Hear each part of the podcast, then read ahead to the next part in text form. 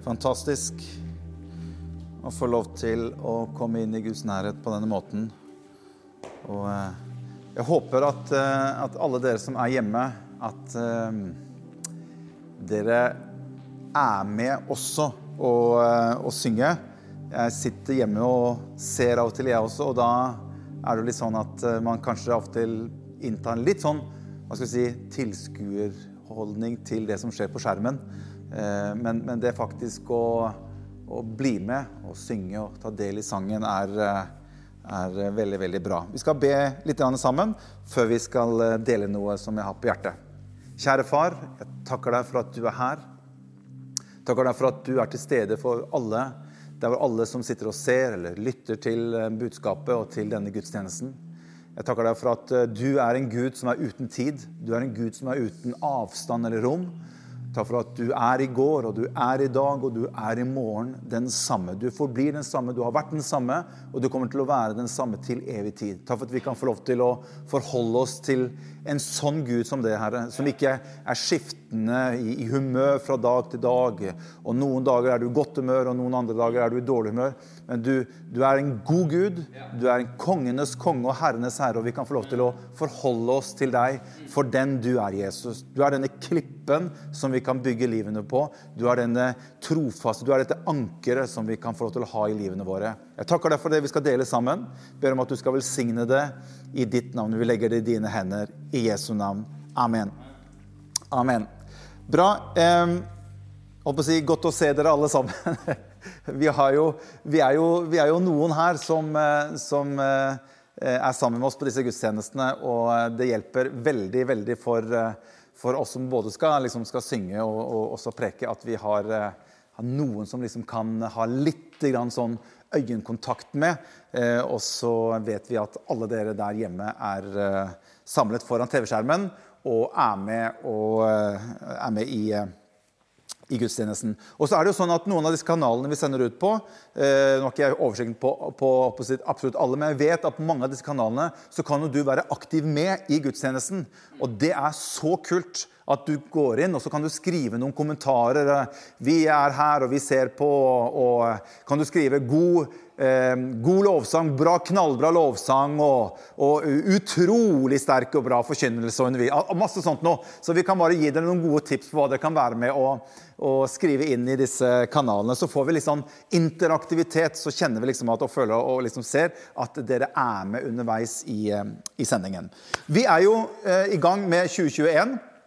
Til dere som kanskje ikke har sett noe gudstjeneste enda, så vil jeg jo kunne få lov til å si riktig godt nyttår til dere også. Eh, og vi snakket Forrige søndag så introduserte vi litt det som skal være temaet for 2021.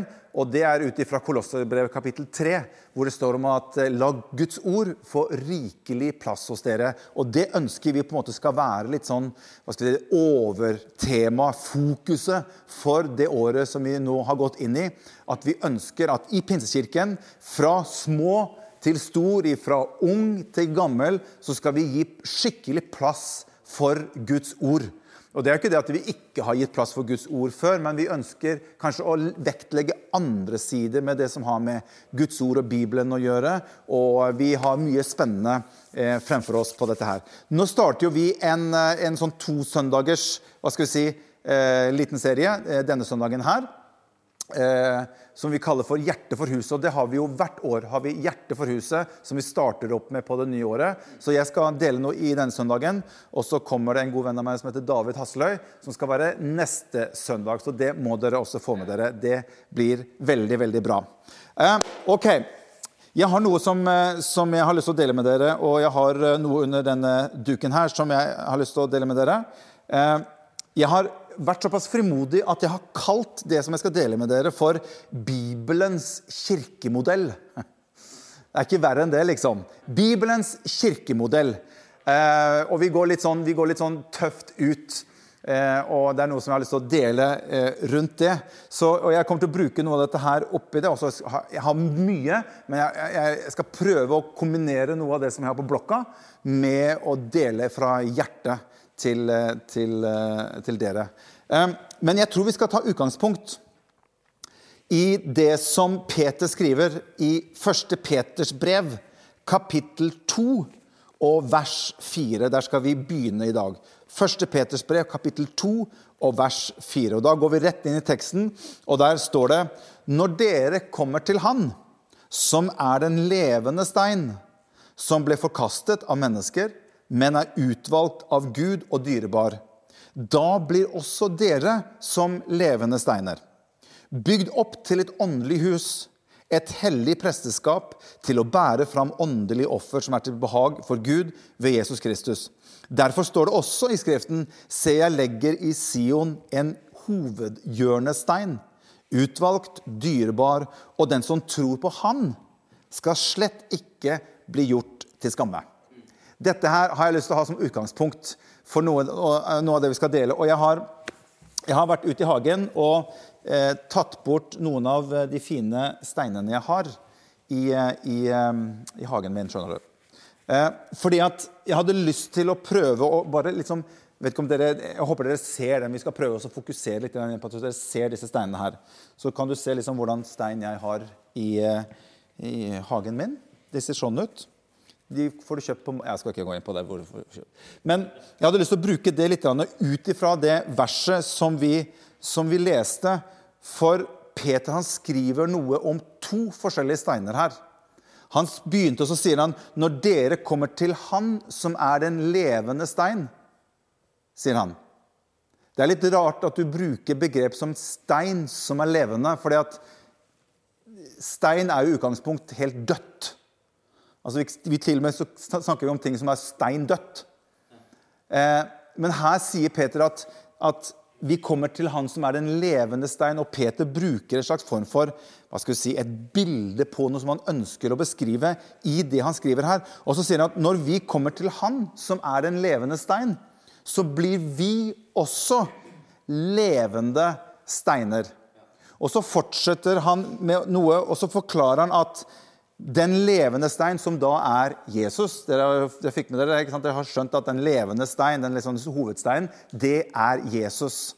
Så sier han når vi kommer til Jesus, som er den levende stein, så gjør han noe med oss som gjør at vi også blir levende steiner, sier han.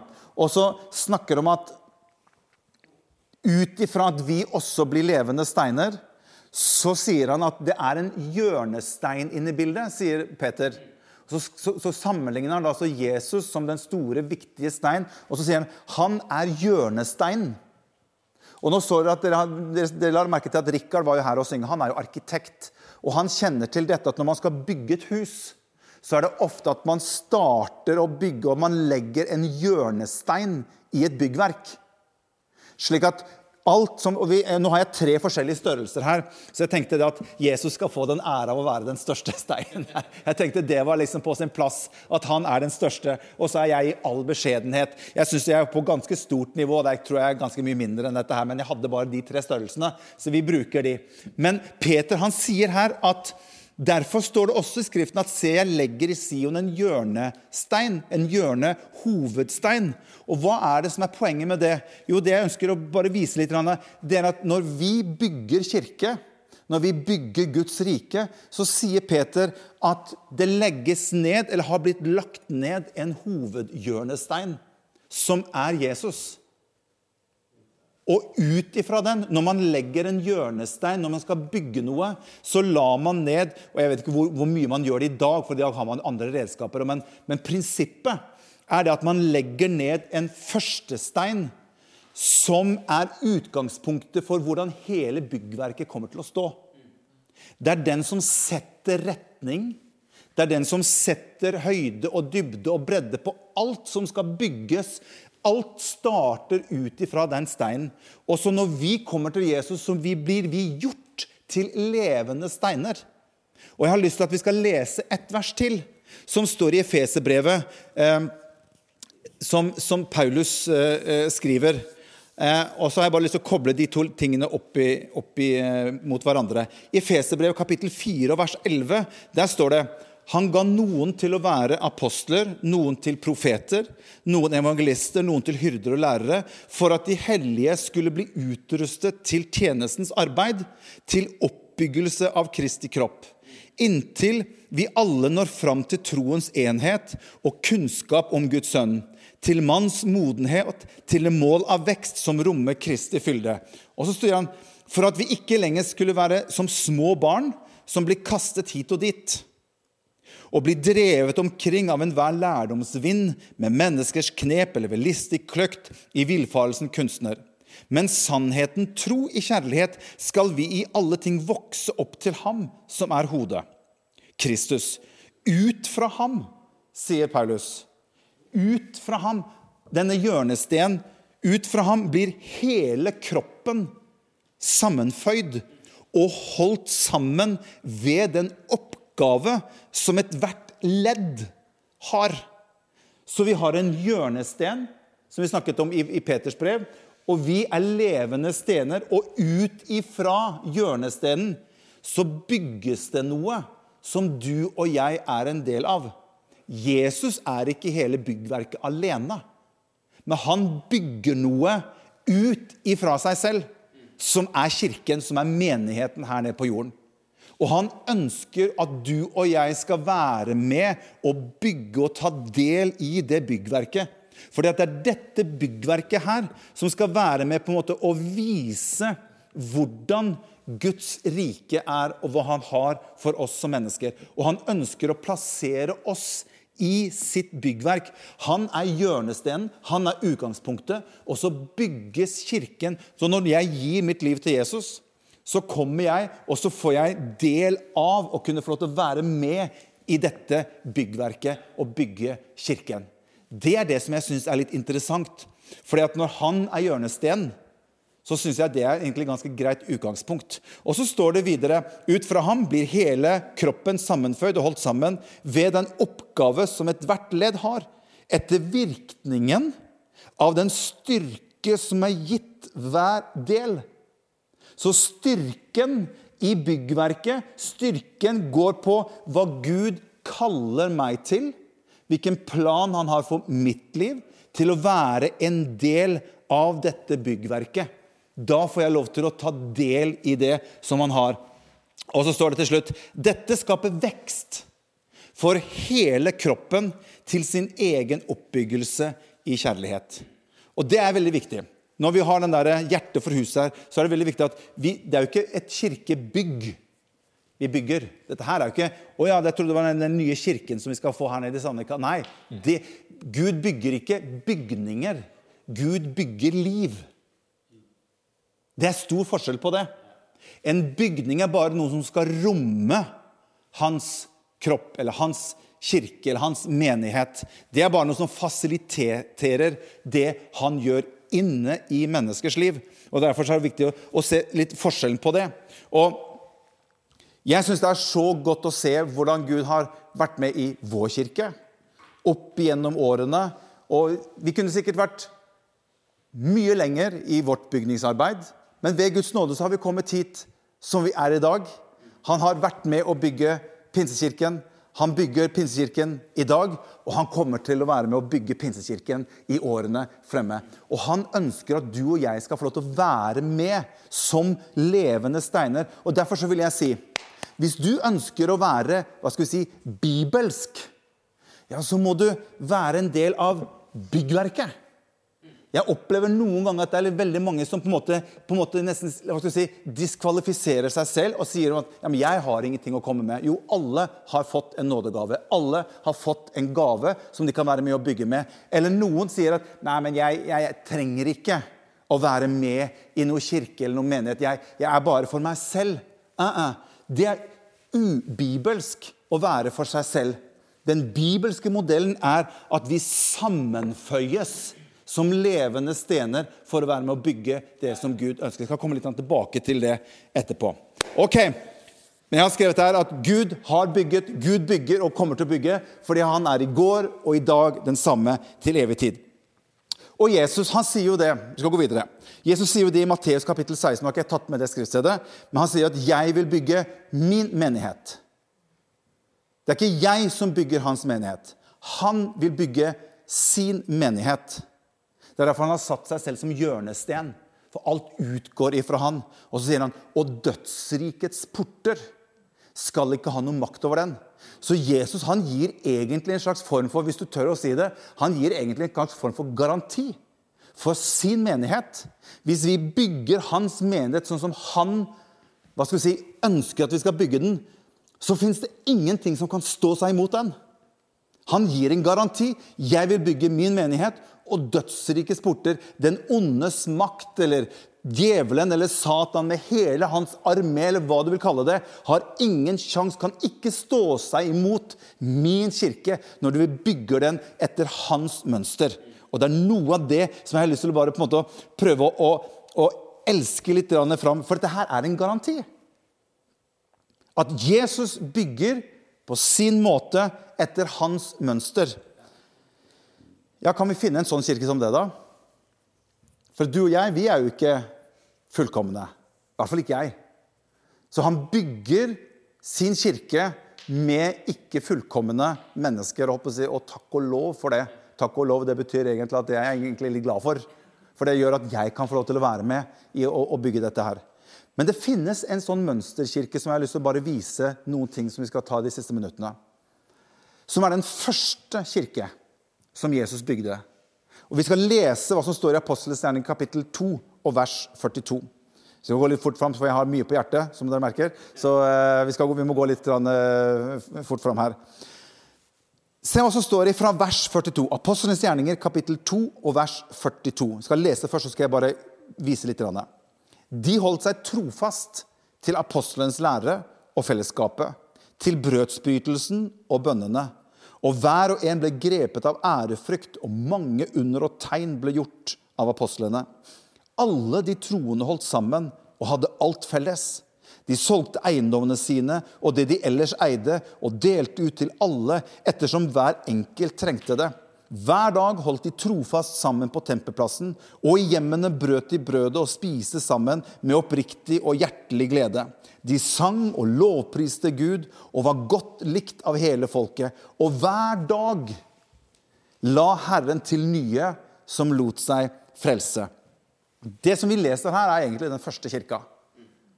Dette er den kirken som tar av på pinsedag, faktisk. Det er så ferskt, det er så tett oppunder Jesus som du kan få det. Han hadde nettopp undervist disiplene sine om Guds rike.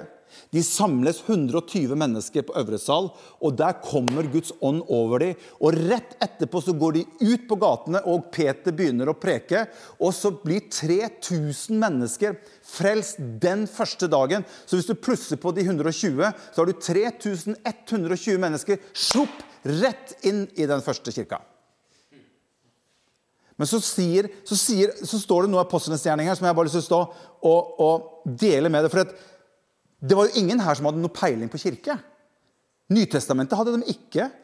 Hadde ikke noe seminarer om kirkevekst eller hvordan bygge menighet. eller Hadde ikke noen spesialister som var inne i bildet her for å kunne si liksom, sånn og sånn og sånn må dere gjøre. Derfor så begynner han med at det er apostlenes lære som de holdt seg til. Og Vi skal, vi skal plukke ut tre punkter i den teksten som jeg vil at dere skal være med på å følge med, som jeg har lyst til å legge, hva skal vi si, som er litt sånne ingredienser. Hva var det de gjorde for noe? Hva var det som gjorde at de lykkes? Hva var det som gjorde at de hadde en sånn framgang? Hvilke bygg, hvilke ingredienser hadde de som gjorde at de hadde en sånn eksplosiv vekst i starten? Det første Her er oppskriften. Okay? Dette er Bibelens kirkemodell. Det første punktet er at det står at de holdt seg trofast til apostlenes lære. Jeg syns ordet 'trofast' er et fint ord. Skulle brukt mye mer tid på det, men det er noe med å fortsette, holde ut, være trofast. Ikke, ikke, ikke, ikke Hva det står for noe? Ikke glem eller ikke hold opp å gjøre godt, for i sin tid så skal du høste av det. Altså, det er noe med det å være trofast. Og det står at de Hvem er de? Det var ikke fem stykker, det. Det er de 3120. Det var de som holdt seg. Alle virker som Her var alle, alle rett inn. Og de holdt seg trofast til apostlenes gjerning. Og eh, apostlenes lære. Og det som jeg syns er fint, er at det begynte med at de holder seg til læren. Hva, hvilken lære var dette her? Helt sikkert så var dette noe som gutta hadde hørt Jesus snakke om. Jesus hadde vært sammen med dem i mange mange dager etter sin oppstandelse, og han underviste dem om Guds rike. Så når de kommer ut her fylt av Den hellige ånd og begynner å undervise de nyfrelste, så sitter de ned, de har sikkert delt seg opp i mange grupper, og så begynner de å fortelle om hva Jesus hadde undervist dem om. Og det var det de første kristne det holdt de seg til. Og de holdt seg trofast til det som disiplene underviste av hva de hadde hørt Jesus eh, dele med dem. Så de holder seg trofast til Vi kan jo si i dag at vi holder oss trofast til Guds ord. For vi har jo fått hele denne Bibelen nå som vi kan holde oss til. Så vi ønsker at Kirken skal være noe som holder seg trofast til hele Guds ord. Og Det er derfor vi ønsker å gi dette mye plass i kirken hos oss. Det å være trofast mot Guds ord tror jeg kommer til å bli mer og mer utfordrende som tiden går. Det kommer til å være tøffere og tøffere å holde seg til Guds ord. Det vil være mer og mer ting som vil komme inn, og som gjør at du og jeg kanskje kan bli fristet til å kompromisse på litt av ting som står her, som vi er overbevist om at står her. Vi kommer ikke til å se alt fullkomment. Å nei, nei, nei. Men vi ønsker å ha et utgangspunkt etter at Gud skal gi oss såpass mye lys i Skriften at vi kan forholde oss til det som vi kjenner er rett i Guds ord. Men det kommer til å koste mer og mer. Men Guds ord må være fundamentet for alt vi gjør i kirkene våre og i vår kirke. Punkt nummer to det er det som står videre der. Det står 'og fellesskapet og brødsbrytelsen'. Fellesskapet er noe som Gud kaller det. Derfor jeg sier at fellesskapet er noe som Gud har kalt oss til. Når vi blir levende steiner som blir samlet sammen i et fellesskap. Er du på utsiden av fellesskap, så er du litt på utsiden av Guds mulighet til å kunne bruke deg og meg til å bygge Hans rike. Det er det som er poenget. Det er at Når vi unngår fellesskap og hør, Det er mange grunner til at mennesker unngår fellesskap. Man har kanskje vært i et fellesskap, man har kanskje blitt såret, man har kanskje blitt skuffet osv. Likevel så er det Guds forordning. Og Det er derfor det står at de holdt seg trofast til apostlenes lære og til fellesskapet med de andre. Kanskje de var flinkere til å gå til hverandre og si at du vet hva, det du sa til meg der, det, ikke, det, følte jeg ikke var bra. Og kanskje de var flinkere til å ordne opp seg imellom som brødre og søstre, som en familie, til å faktisk kunne greie å leve sammen i det å, stole, det, i det å tro på, på Jesus. Det var punkt nummer to. Jeg må gå videre her, ellers så kommer jeg aldri igjennom dette her. Jeg kan jo holde på til Jesus kommer hjem, men det, det, vi må ha noen pauser innimellom. Og så Det tredje punktet er at de holdt seg til bønnene. Den første kirke var en bedende kirke. Og vi har en ingrediens som heter bønn, som er en så utrolig viktig faktor i det å bygge Guds rike. Det er bønn. De holdt seg trofast til bønnen. Og hør, alle disse ingrediensene trengtes. Vi har noen ganger at vi har noen liksom sånne kjære ting vi holder fast med. Og noen kommer til meg og sier at Guds ord er viktig. Ja, ja men skjønner du, bønnen er viktig. Ja, Og så er det noen som kommer ja, men skjønner, evangelisering det er det aller viktigste. Og så har vi litt lett for at vi setter ting opp imot hverandre. Når Gud har kalt oss til alle disse tingene hører sammen for nettopp å bygge. Vi skal ikke sette noen ting verken over eller ved siden av eller under. Vi skal samle det sammen som ingredienser, som byggmaterialer, for å reise det bygget som Gud ønsker at vi skal være med å bygge. Og hva resulterte dette her i? Skal gå til avslutning. Når de gjør dette her, hva resulterte dette i? Jo, det er det som står videre i eh, apostlenes gjerninger. Hver og en, står det, ble grepet av frykt. Ikke sånn redsel, frykt, men eh, ave, altså beundring. Det er det ordet frykt som står, som står på grunnteksten her. Og mange under og tegn ble gjort av apostlene. Det var en kirke som var full av Guds kraft og herlighet. Og mennesker ble berørt, ikke bare på innsiden, men mennesker ble satt i frihet. Mennesker ble helbredet. Noe som vi lengter etter å få se enda mer av i livene våre og i menighetene våre. At Gud rekker ut sin hånd til tegn og under. Og det var en stadfestelse av at dette her er noe utover oss selv. Dette her er noe som har med Gud å gjøre. Og så at, og alle de troende holdt sammen. Der kommer det igjen alle de troende. Hvor mange er det? Jo, det var 3120. Alle de holdt sammen. Og hadde alt felles. Og jeg har lurt på mange ganger det som står liksom rundt her. De solgte eiendommene sine og, de, og, og, og, det de ellers eide, og delte ut til alle etter hvert som var enkelt. Jeg ser for liksom at Jeg vet ikke om jeg hadde greid å være med på det. Skal, skal jeg selge alt jeg har, eller skal jeg, skal jeg liksom selge alt og bare putte Nei, nei. Ikke, hvis, du, hvis, du, leser på en måte konteksten i dette her, så var det ikke sånn at de bare solgte alt de eide, og så bare putta de alt i en pott. og så bare sånn, ok, Er det noen som trenger noe? Ja, da måtte jo alle komme tilbake igjen og få, da. Så det hadde jo vært akkurat like langt. Men de hadde en, de hadde en kultur iblant seg at de så hverandre, og de levde på en sånn måte at når de så behov, så var de snare med å se han ønsker jeg å hjelpe. Hun trenger hjelp nå. La oss, gå inn og være med å gi noe til de og støtte de med noe, slik at de kan få lov til å leve videre. Nå har jo vi en standard i levestandarden vår som kanskje er litt annerledes enn kanskje det var på den tiden her. Men vi kan også være med å hjelpe. Og Det er derfor vi ønsker som kirke også å være en kirke som kan være med å så inn og støtte mennesker som trenger hjelp av den overflod som vi har blitt velsignet med. Kan jeg høre et godt ammen på det? Yes. Og da står det til slutt Det er siste delen vi skal, vi skal ha her. Du kan komme opp og spille litt, og så skal vi snart synge. Det står at hver dag holdt de trofast sammen på tempelplassen. Og i hjemmene brøt de brødet og spiste sammen med oppriktig og hjertelig glede. Det virker som denne første kirken her, det var en glad kirke. De hadde, de, de, det var noe blant dem som, som gjorde dem entusiastiske og glade. Det de var med på, det de opplevde midt iblant seg, det gjorde at de var glad. De var glad for å kunne få lov til å være med i fellesskapet. De var glad for å kunne få lov til å, Bare det å kunne få lov til å være en velsignelse for andre mennesker. Og andre mennesker som kom og ble hjulpet. Og de så det at det å være en, en menneske som er noe for andre mennesker, gjør mennesker glade. De var en glad kirke. De hadde oppriktig og hjertelig glede, står det. Og ut ifra dette så står det de sang og lovpriste Gud. Og så står det og de var godt likt blant hele folket. Det var noe Og jeg tenker, hvis du, hvis du tar de ingrediensene her hvem ville ikke likt en sånn gjeng som dette her? Som er glad, som, som, opplever at de har noe i livet sitt som er en styrke og en hjelp og en kraft. De ble godt likt iblant folket. Og jeg har en bønn om at Pinsekirken, vår kirke, skal få lov til å bli godt likt her hvor vi er. I Sandvika eller Asker og Bærum. At ikke folk skal snakke om oss at vi er noen sånne raringer som er innlåst på et loft et eller annet sted. Nei, vi skal få lov til å være midt blant folket med et godt budskap, og folk skal få lov til å oppleve det. At det vi har fått i livene våre, det er så bra at det gjør oss glad, det gjør oss godt, og vi ønsker å dele det med andre mennesker. Amen. Dette er det vi skal strekke oss til. Og så avsluttes med og hver dag la Herren til nye som lot seg frelse. Jeg tror at en sånn kirke som dette her vil appellere til mennesker som tenker vet du hva, det dere har, det har jeg lyst til å få tak i. Det dere har, det ønsker jeg å oppleve.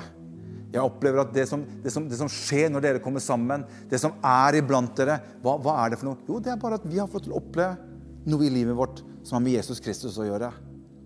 Det kan altså du få lov til å oppleve. Kan ikke sangerne komme fram her, og så skal vi synge og prise Herren litt til slutt? Thank you, Jesus. Far, jeg takker deg for at vi kan få lov til å være med å bygge din kirke, være med å bygge din menighet. Jeg bare ber deg om at det som har blitt delt, at vi skal få lov til å ta det inn i våre liv.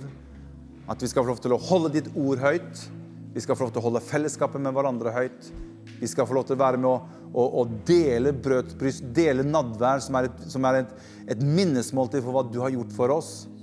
At gleden og styrken i deg, Herre, skal få lov til å prege oss og vi skal få lov til å være med å prise ditt navn. Og vi ber deg om at mange mennesker skal få lov til å finne deg til frelse i årene som kommer. Det takker jeg deg for. I Jesu navn. Amen. Vi synger litt sammen.